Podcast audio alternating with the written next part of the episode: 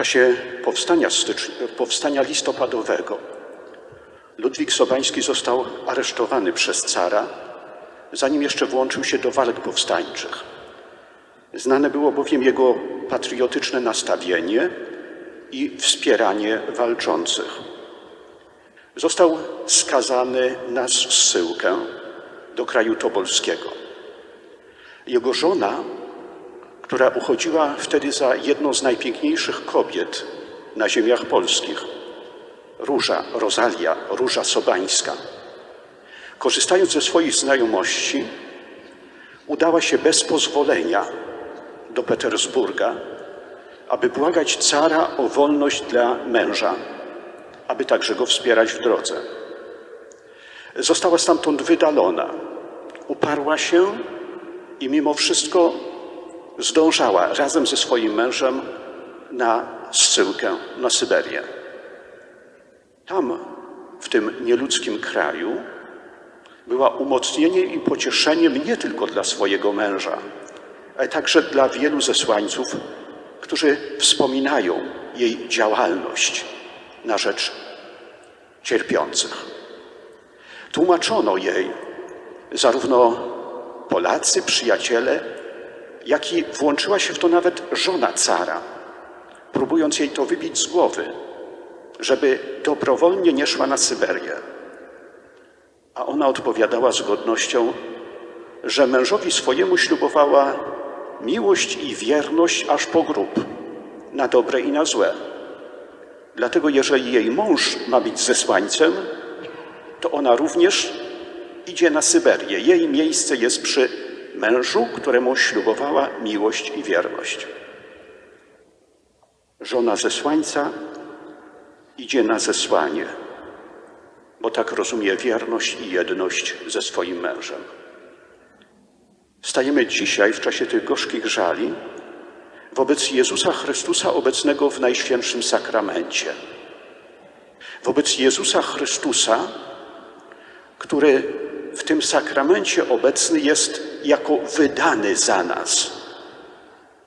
Jego ciało, które zostaje za nas wydane, wydane za nas na krzyżu.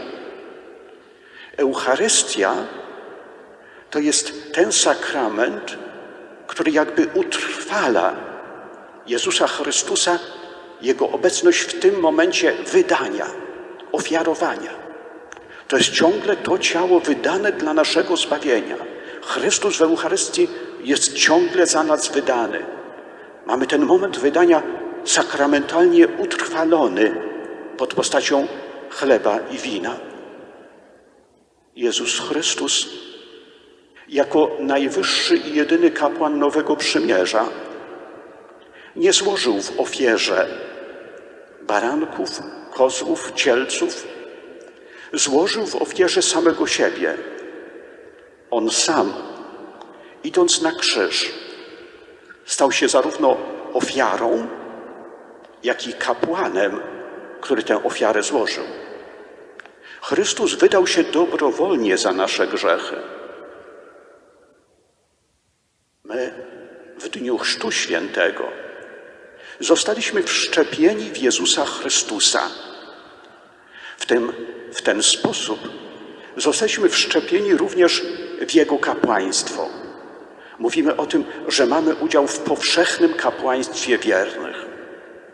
I właśnie ten udział w powszechnym kapłaństwie wiernych skłania nas do wstępowania w ślady Jezusa Chrystusa i do składania siebie samych w ofierze Bogu Ojcu.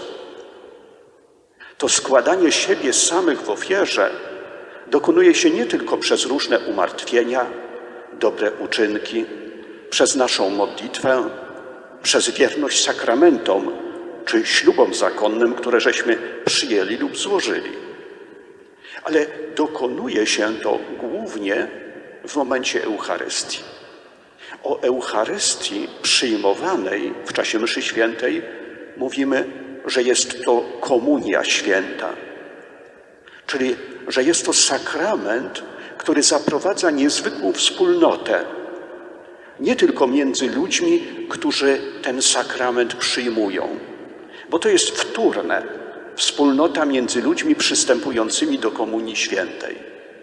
Czymś najważniejszym i absolutnie pierwotnym jest komunia, jedność z Jezusem Chrystusem ofiarowanym. Przyjmując Najświętszy Sakrament, spożywając ciało Jezusa Chrystusa, stajemy się jedno z Nim. Jego ciało staje się naszym ciałem, Jego krew staje się naszą krwią przez nas spożywana.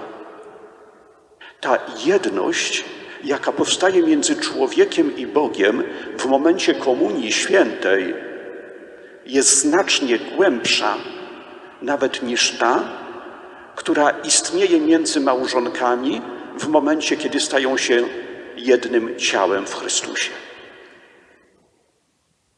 Ta komunia z wydanym Jezusem Chrystusem zobowiązuje nas również do tego, abyśmy w momencie Komunii Świętej sami siebie składali Bogu Ojcu w ofierze.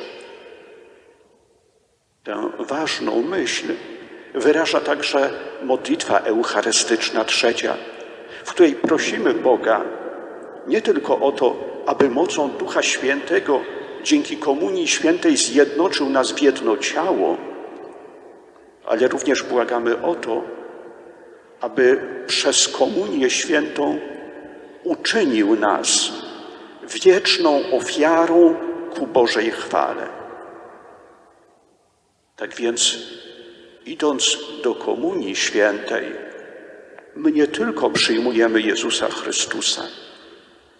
Idąc do Komunii Świętej, my także w tej Komunii Świętej ofiarujemy siebie samych razem z Jezusem Chrystusem Bogu Ojcu e, ku Jego chwale.